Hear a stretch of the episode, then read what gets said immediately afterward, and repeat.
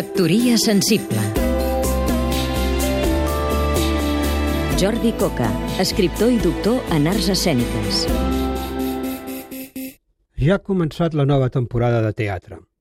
Els locals públics i els privats, els grans espais i els que són més modestos, estan a punt per oferir als espectadors propostes de tota mena. Hi haurà musicals, teatres de text, recuperació de grans noms mig oblidats, clàssics gairebé eterns, joves promeses, èxits, fracassos...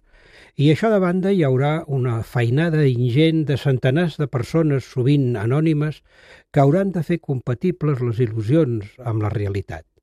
Un escenògraf voldrà més diners per oferir un espai millor.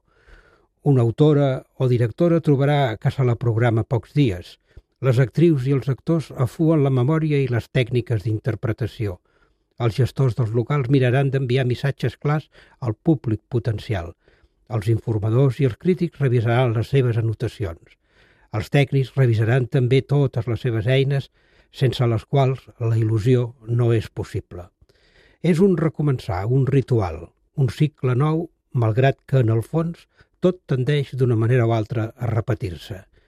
I més enllà d'això, amb estils diferents, de vegades fins i tot oposats, amb intencions diverses, volent divertir i formar, volent generar emoció i pensament, el mirall del teatre torna a oferir-nos una còpia d'això tan divers i subtil que anomenem la realitat.